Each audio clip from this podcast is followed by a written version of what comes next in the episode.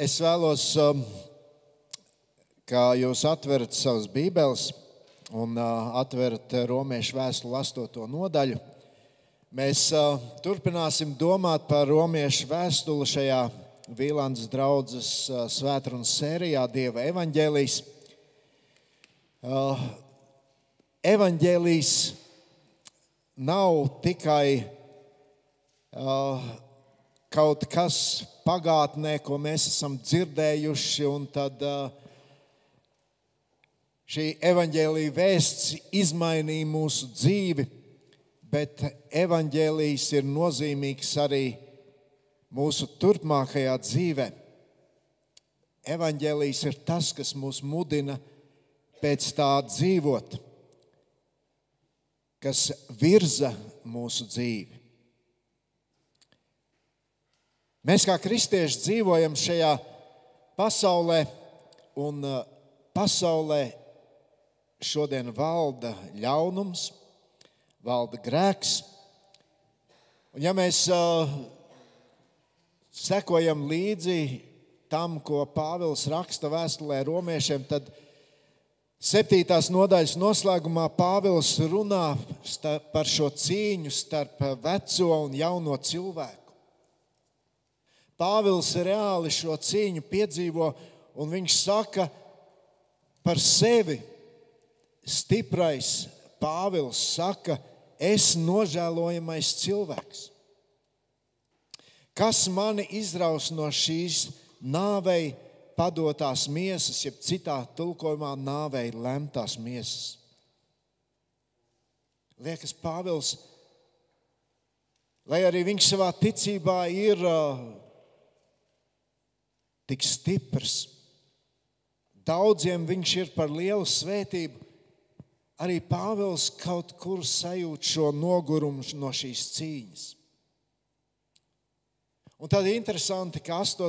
nodaļā apustulis runā par brīnišķīgām svētībām, kuras bauda patiesas Dieva bērns. Ja tu tici Kristum, ja tu esi patiesi piedzimis no augšienes, tad arī atrodoties dažādās grūtībās un problēmās, zini, Dievs rūpējas par mums. Pagājušajā svētdienā Markus aplūkoja vienu no šīm svētībām. Viņš runāja par to, kā svētais gars palīdz nespējā Tā ir lieta, ko neviens nevar kristietim, patiesam kristietim atņemt. Un tas, mēs, pie kā mēs šodien apstāsimies, arī šeit Pāvils vēlreiz uzsver, varētu teikt, pat vēl vairāk viņš it kā apkopo visu, par ko viņš ir runājis šīs nodaļas, šajā nodaļā. Viņš nodaļas beigās apkopo to visu. Viņš ir runājis par problēmām, par kristiešu cīņām ar šīm problēmām. Viņš aicina ieraudzīt tās dažādas svētības, ko Dievs dod saviem bērniem. Un tad viņš noslēdz un saka, mīļie, jūs varat būt pārliecināti, ka paļaujoties uz Dievu, uzticoties Viņam, zinot, ka Dievs tiešām ir uzticīgs, jūs varat būt pārliecināti par savu glābšanu. Es aicinu, ka mēs izlasām no 31. līdz 34. pantam, 8. nodaļā romiešiem. Ko lai mēs par to sakām? Ja Dievs ir par mums, kas būs pret mums? Kā tad viņš, kas savu paša dēlu nav audzējis, bet devis viņu par mums visiem, līdz ar viņu nedāvās mums visas lietas? Kas apsūdzēs Dieva izredzētos? Dievs tos attaisno. Kas tos pazudinās? Ir taču Kristus Jēzus, kas miris, vēl vairāk, kas augšām cēlies, kas ir pie Dieva labās rokas un kas aizstāv mūs. Kad vareni vārdi. Un caur šiem vārdiem apostols Pāvils it kā pasaka, paklausieties, paklausieties, Dieva bērns, ja tu tāds patiešām esi, ja tu Kristu esi jauns radījums, tad neļauj nekam sevi izšaubīt no šīs pārliecības, ka tu esi glābts. Nešaubies par to. Un skatoties uz šo tekstu, es gribu uzsvērt trīs lietas, kas, ko mēs šajā tekstā ieraugām. Varētu teikt, trīs tādas lieliskas ziņas, ar kurām apustulis Pāvils mūs šeit iedrošina un svētī. Vispirms apustulis Pāvils uzsver, ka Dievs mūs ir pieņēmis. Tālāk viņš saka, Dievs ir uzticams. Viņš ir uzticīgs. Atceries, ka tu neesi nekāda spēļmantiņa Dieva rokās. Tu neesi tas, kas Dievam var kaut kā pēkšņi apnikt, un Viņš tevi atbīdīs nost un aizmirsīs. Un treškārt Pāvils saka, Dievs mūs vienmēr attaisno. Ziniet, kad es par to visu domāju, priekš manis tas ir ļoti svarīgi un nozīmīgi. Tātad Pirmā lieta, par ko Pāvils šeit runā, ir, ka Dievs mūs ir pieņēmis. Ko lai mēs par to sakām? Ja Dievs ir par mums, kas būs pret mums?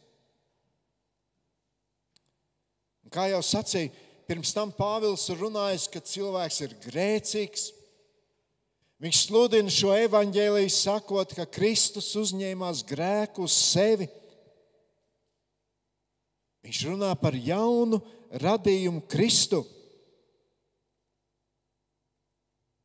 Tad viņš runā par cīņu, atrodoties šajā pasaulē, un par svētībām, ko Dievs dod tiem, kas viņu ir pieņēmuši un uzticis viņam. Un tad visam tā pavēlkot strīpu, viņš saka, nu, ko jūs teiksiet par to visu? Liekas, Pāvils ir tā pārņemts un sajūsmināts. Un esmu pārliecināts, ka, ja mēs biežāk darītu to, ko Pāvils dara, skatītos uz to, ko Dievs dara mūsu dzīvēm. Kā Viņš to dara? Mēs varētu teikt to pašu, ko saka šeit Pāvils. Un pirmais, ko viņš redz, viņš saka, ja Dievs ir par mums. Man liekas, ļoti svarīgi, ka mēs apstājamies nedaudz pie šīs tēmas. Ka Dievs ir tas, kas mūs pieņem. Es domāju, ka daudzi nenovērtē šī fakta svarīgumu. Daudziem cilvēkiem liekas, nu, Dievam jau mani ir jāpieņem. Mēs tik bieži esam pieraduši pie tām svētībām, ko mēs saņemam, kas mūs pavada dzīvē. Vai jūs esat kādreiz padomājuši, ka Dievs, par kuru mēs tik bieži sakām, Dievs mīl, un tā ir taisnība, ka Dievs var būt arī pret cilvēku? Tas ir pilnīgi pretējs tam, ko šodien daudz sludinātāji sludina, sakot, nu galu galā beigās jau Dievs visus izglābs, nav ko satraukties. Tas jau vienalga, kā mēs dzīvojam. Dievs būs žēlīgs. Dievs par mums. Dievs ir par mums. Tā ir to cilvēku privilēģija, kuru, kuri tiešām ir pieņēmuši Kristu kā savu glābēju.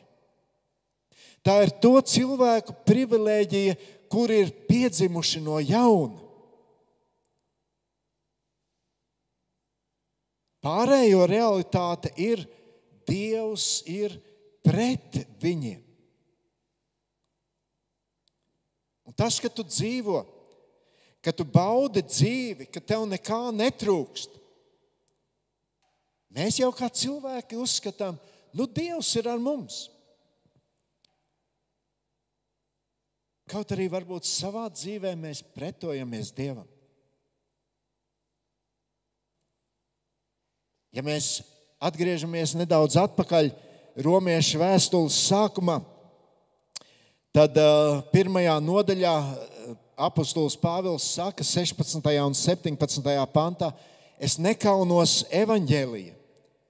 Tas ir Dieva spēks pestīšanai ikvienam, kas tic jūdam vispirms un arī grieķim. Jo tajā Dieva taisnība atklājas no ticības uz ticību kā ir rakstīts, taisnais no ticības dzīvos. Un paskatieties tālāk, kāpēc, kas notiek, kāpēc evaņģēlijs ir tik svarīgs. 18. pants, bet par to cilvēku bezdievību un netaisnību, kas Dieva patiesību nomāca netaisnībā, no debesīm atklājas Dieva dusmas. Mēs šodien runājam par, daudz, runājam par daudzām problēmām, ar ko sastopamies. Tur ir ekonomisks, tur ir ekoloģisks problēmas, tur ir epidemioloģiskās problēmas. Bet, ziniet, visas šīs problēmas nobāla iepratī dieva dusmām pret cilvēkiem. Un kad, un kad apustulis Pāvils saka, ka ka Dievs ir par mums, tad viņš runā par kaut ko ļoti svarīgu. Viņš runā par cilvēkiem, kurus Dievs ir taisnojis. Taisnojis caur to, ka viņi atzīst Kristu par savu glābēju. Tad Dievs nostājas viņu pusē. Tad Dievs vairs nav viņu pretinieks. Ziniet, būtu labi, ja mēs pēc iespējas biežāk aizdomātos. Aizdomātos par to, kas tad patiesībā ir Dievs. Mums cilvēkiem ir milzīga tendence, ka mēs samazinām to Dievu. Mēs padarām Dievu, cenšamies padarīt viņu mums saprotamāku, mums pieņemamāku. Bet Dievs nekad uz to neizies. Dievs ir tas, kas Viņš ir. Dievs nekad nevarēs būt par grēku. Dievs nekad nevarēs būt par netaisnību. Dievs nekad nebūs par to, kas ir nesvēts.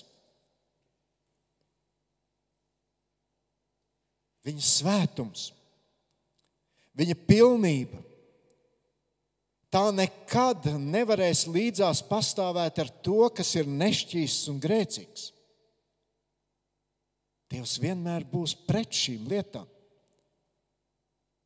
Un ja mēs lasām Bībeli, sevišķi veco derību, kurai ir divas trešdaļas no Bībeles, tad tur tā mums skaidri rāda, ar Dievu nevajag spēlēties. Dievs ir tas, kurš uzstāda noteikumus un ne cilvēks.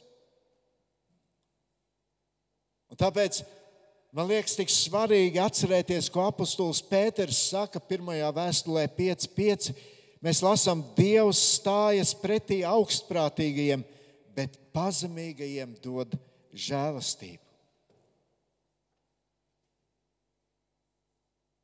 Mēs varbūt tik bieži šausmināmies un esam uztraukusies par dažādām lietām.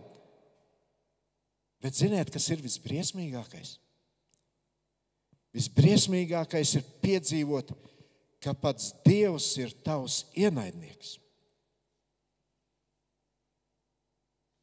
Un tur nelīdzēs nekāda apsardze, ko tu varbūt sev noalgo. Neviens nav spēcīgāks par Dievu.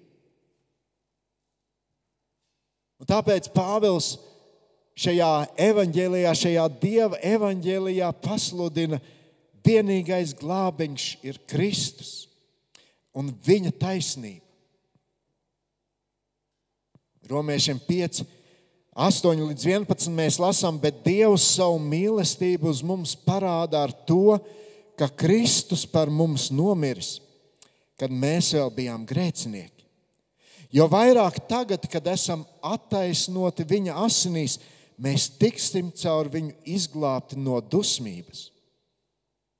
Ja būdami dieva ienaidnieki, guvām izlīgumu ar dievu viņa dēla nāvē, daudz vairāk būdami izlīguši, tiksim izglābti viņa dzīvībā un ne tikai pat lepojamies Dievā caur mūsu kungu Jēzu Kristu, kurā tagad esam saņēmuši izlīgumu. Cik spēcīgi! Un Pāvils šodien man un tev atgādina,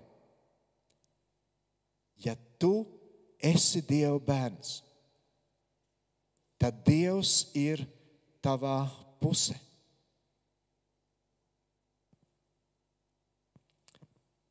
Droši vien jau mēs visi esam gājuši cauri dažādām problēmām, tad, kad mēs augām, dažādi piedzīvojumi. Un varbūt kādi no jums arī būsiet piedzīvojuši, ka skolā, kad gājām, kāds mūs par kaut ko apceļ.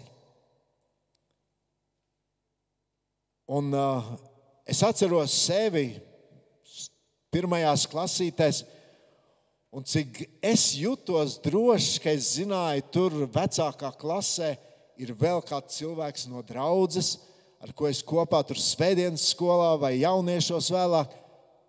Un, ja nu kaut kāda problēma man sanāk ar kādiem, tad es varu pasaukt viņu. Es jutos droši. Būs, kas mani aizstāv, būs, kas ir stiprāks nekā es esmu. Un tad liekas, cik daudz vairāk mēs varam justies droši tad, kad mēs domājam par Dievu. Vai var būt vēl kāda iedrošinošāka ziņa ikvienam, kurš patiesi pazīst Kristu un dzīvo ar evaņģēliju? Dievs ir par mums. Jāņa evanģēlijā, desmitajā nodaļā, mēs lasām, kur Jēzus saka, manas avis klausās manā balsī. Es tās pazīstu, un viņas man seko. Es tām dodu mūžīgo dzīvību. Viņas nemūžam neies bojā, un neviens tās neizraus no manas rokas. Kāpēc? Klausieties tālāk. Mans tēvs, kas man tās devis, ir par visiem lielāks, un neviens tās nevar izraut no mana tēva rokas. Nav neviens un nekas, kas varētu sacensties ar Dievu. Vai tu? Kristieti, brāli, māsa, vai tu apzinājies šo svētību? Ko nozīmē šie vārdi? Dievs ir ar mums. Ja tu esi piedzimis no augšas, ja tu esi pieņēmis Jēzu par savas dzīves kungu, ja tu seko viņam, Tas ir arguments neapgāžams arguments, lai Dievs būtu ar tevi. Nevis tas, ka tu varbūt aizej uz kādu baznīcu, nevis tas, ka tu esi kristīts, nevis tas, ka tavs vārds ir atrodams kādas draudzes sarakstos. Nē, Kristus ir tavs kungs. Un tas tev dod šo drošību, ka Viņš tevi ir pieņēmis. Otra lieta, ar ko apustulis Pāvils iedrošina kristiešus, ka Dievs ir uzticams. Dievs ne tikai mūs ir pieņēmis, jeb uh, adoptējis savā ģimenē, Viņš vienmēr paliek mums uzticams. Ko lai mēs par to sakām? Ja Dievs ir par mums, kas, pre, kas būs pret mums? Kā tad Viņš, kas savu paša dēlu nav audzējis, bet devis viņu par mums visiem, līdz ar viņu nedāvās mums visas lietas? Apostols Pāvils katram Dieva bērnam Katram, kurš dzīvo, cīnās ar dažādām grūtībām un apstākļiem, kurš varbūt šad un tad sajūtas, it kā Dievs viņu ir pametis, it kā Dievs par viņu ir aizmirsis. Šeit saka, ja Dievs jūs ir tā mīlējis, ka Viņš deva pašu dārgāko savu dēlu nāvei kā tad viņš neparūpēsies, lai viņš nedotu arī citas lietas?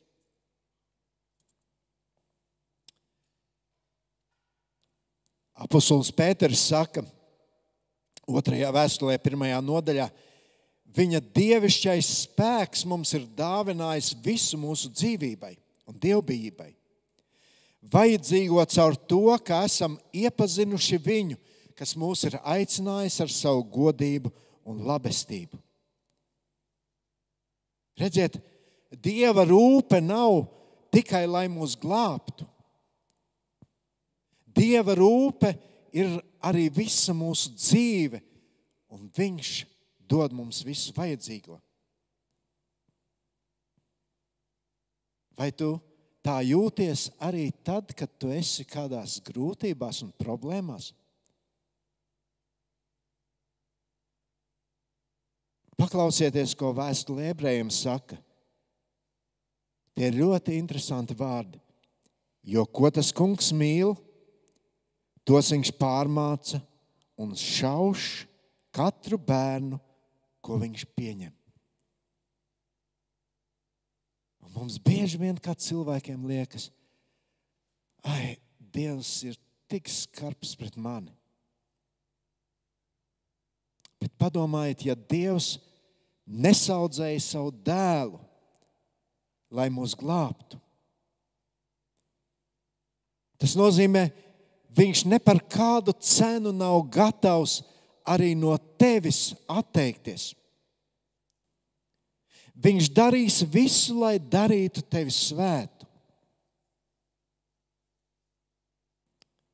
Šis dievnams, kurā mēs pašlaik esam, Vīlānas ielā, šeit stāv jau 134 gadus. Jā, kaut kas ir mainīts, kaut kas ir pārbūvēts, bet uh, pamatā viss ir tā, kā arhitekts Šēns bija aprēķinājis un iecerējis. Tajā laikā jau arhitekts ne tikai uzzīmēja, viņš aprēķināja, viņš vadīja šo būvniecības procesu, Viņš uzraudzīja visu, lai izdara kārtīgi. kārtīgi. Viņš nepaņēma tā vienkārši ar zīmolu, neuzzīmēja. Viņš ar savu parakstu garantēja, šis nams izturēs. Izturēs visus ārējos apstākļus, visas tās slodzes, kas viņam uz viņu nāks.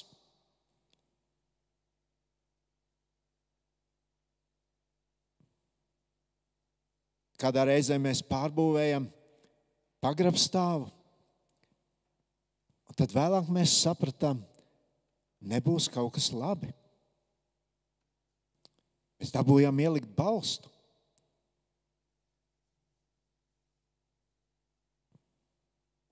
Lai Dievs mūs nepazaudētu. Dievs ir tas, kas pielaiž dažādas grūtības mūsu dzīvēm. Mēs vēstulē korintiešiem, pirmajā vēstulē, desmitajā, pantā, desmitajā nodaļā lasām, jūs nav piemeklējis nekas cits kā vien cilvēcisks pārbaudījums. Bet Dievs ir uzticams. Viņš nepieļaus, ka jūs tiekat pārbaudīti pāri tam, cik spējat nest. Viņš arī rādīs ceļu, kā iziet no pārbaudījuma, dodams jums spēju to panest. Mīļie draugi, tajos brīžos, kad varbūt mums uzmāca šaubas un domas, nu, Dievs mani ir aizmirsis, atcerieties, vienmēr Dievs ir uzticams. Dievs mums dos arī šo spēju, šīs grūtības panest mūsu dzīvēm. Apostols Pēters saka, Kungs zina, kā izglābt no kārdinājuma dievbijīgos. Un tas, ka Dievs tevi ir izglābis, tā ir garantija tam, ka tu šodien vari viņam uzticēties. Un trešā lieta, par ko apostolis Pāvils šeit runā, ir Viņš runā par to, ka Dievs mūs attaisno. Ja Dievs ir par mums, ar mums, tad nav nekas, kas var mūs apsūdzēt vai pazudināt. Un iemesls tam ir, jo Kristus mūs aizstāv. Kas apsūdzēs Dieva izredzētos? Dievs tos attaisno. Kas tos pazudinās, ir taču Kristus Jēzus, kas miris, vēl vairāk, kas augšām cēlies, kas ir pie Dieva labās rokas un kas aizstāv arī mūs. Pāvils šeit runā par divām lietām. Viņš saka, no Dieva bērniem ir noņemta apsūdzība. Kas mūs var apsūdzēt? Patiesībā mūs var apsūdzēt, cilvēku var apsūdzēt tikai Dievs. Mēs sakām, nu, vēlams apsūdz mūs. Bībelē vēlams ir nosaukts par meli. meli. Jā, viņš mēģina mūs apsūdzēt, bet patiesībā viņam nav nekāda tiesība to darīt. Ja jūs braucat ar mašīnu pa ielu un uh, jums gadās uh, pārkāpt kādus ceļu satiksmes noteikumus, ja tur blakus nav policists, tad pārējie cilvēki, kas varbūt to ir redzējuši, vienīgais, ko viņi var izdarīt, viņi var pazvanīt policijai un teikt, tur kāds ir pārkāpis noteikums. Paši cilvēki, kuri nav policisti, viņi nevar jums, viņi nevar jums uzlikt kādu sodu. Kad runa iet par mūsu glābšanu, te ir teikts, kas apsūdzēs Dieva izredzētos. Dievs tos attaisno. Un ja pats galvenais, kurš var apsūdzēt, ja tas neapsūdz, tad vairāk neviena nav. Nevienam nav, nav tiesības mūs apsūdzēt. Atcerieties, vēlns ienīst cilvēkus. Un tas, ko viņš dara, viņš skrien un sūdzas. Viņš saka, Dievs, skaties, to, ko tu pieņēmi, viņš atkal sagrēkoja. Vēlnam liekas, ka viņš norādīs uz cilvēku grēkiem, un dievam būs viņi jāsoda. Bet atcerieties, Kristus nomira par visiem grēkiem. Dievs vairs savus bērnus neredz kā grēciniekus, jo Kristus taisnība katru patiesu viņa sekotāju sekotāju ir attaisnojusi Dieva priekšā.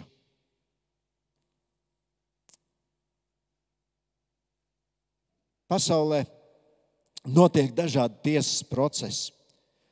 Ir cilvēkiem, kuri ties, kuriem tiesāšanās ir palikusi par tādu hobiju bieži vien. Viņi izbauda šos procesus.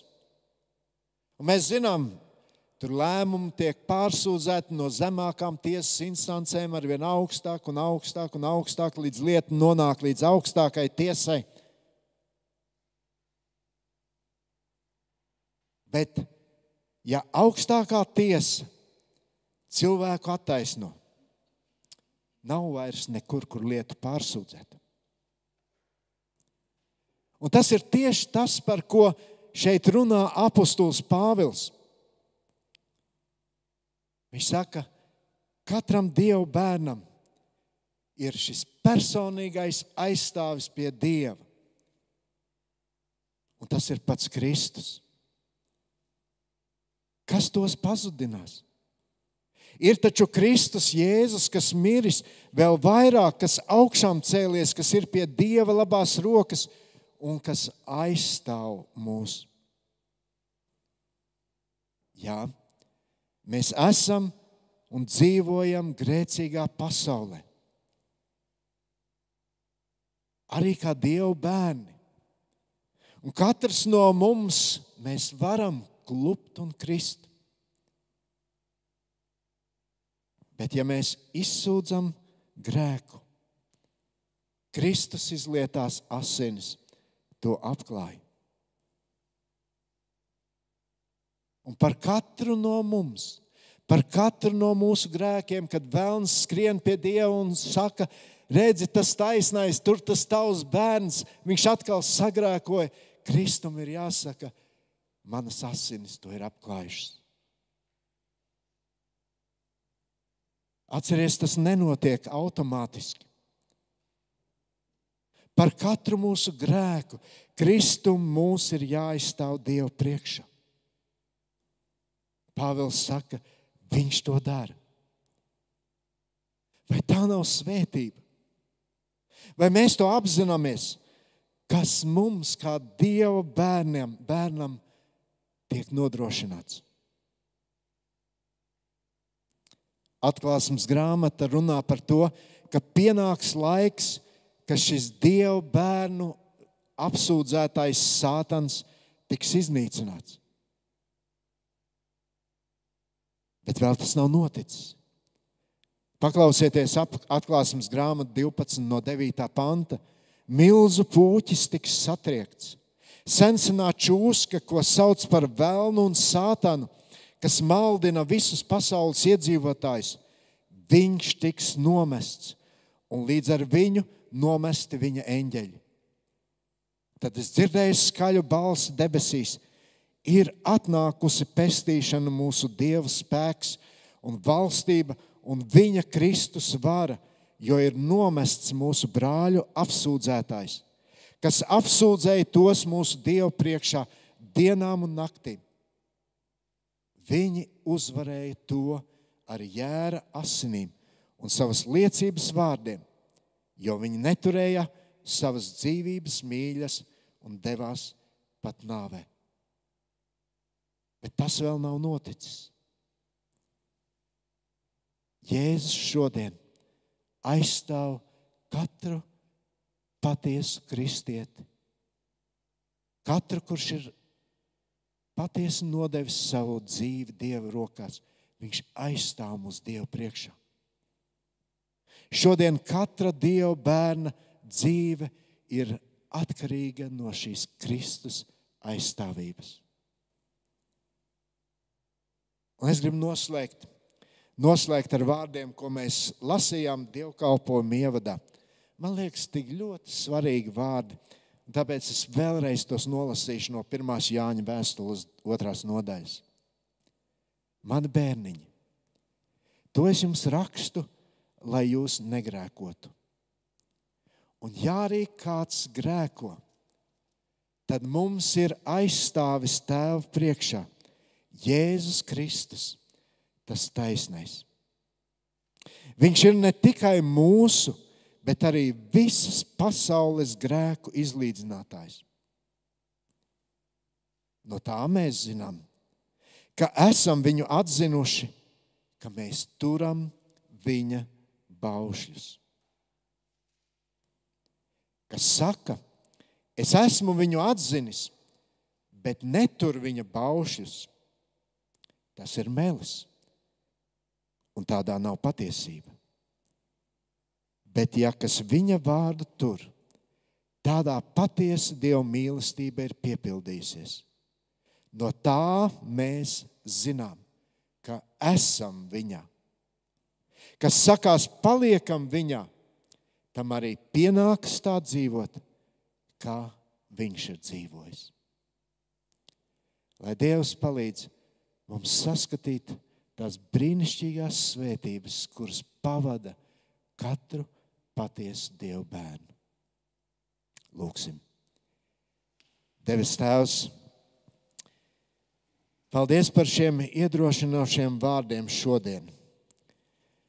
Paldies, ka neskatoties uz uh, tiem dažādiem izaicinājumiem, ko mēs kā cilvēki piedzīvojam šajā pasaulē, Tavs vārds saka, ka tu esi ar mums. Un ja tu esi ar mums, tad nekas nespēja mūs pazudināt. Nekas nespēja mūs apsūdzēt. Jā, Dievs, paldies par šo drošību. Un uh, es gribu lūgt, lai Šī pārliecība, ka tu mūs caur Kristu esi glābis, ka tu mūs esi pieņēmis, lai tas, ka tu paliec mums uzticīgs, lai tas katram no mums dod stiprinājumu, sekot tev, mīlēt tevi, paklausīt tev, piepildīt to uzdevumu, uz kuru tu katru no mums esi aicinājis. Paldies, Tev, Kungs, par šiem vārdiem šajā dienā. Un svētī katru, kas tos ir dzirdējuši.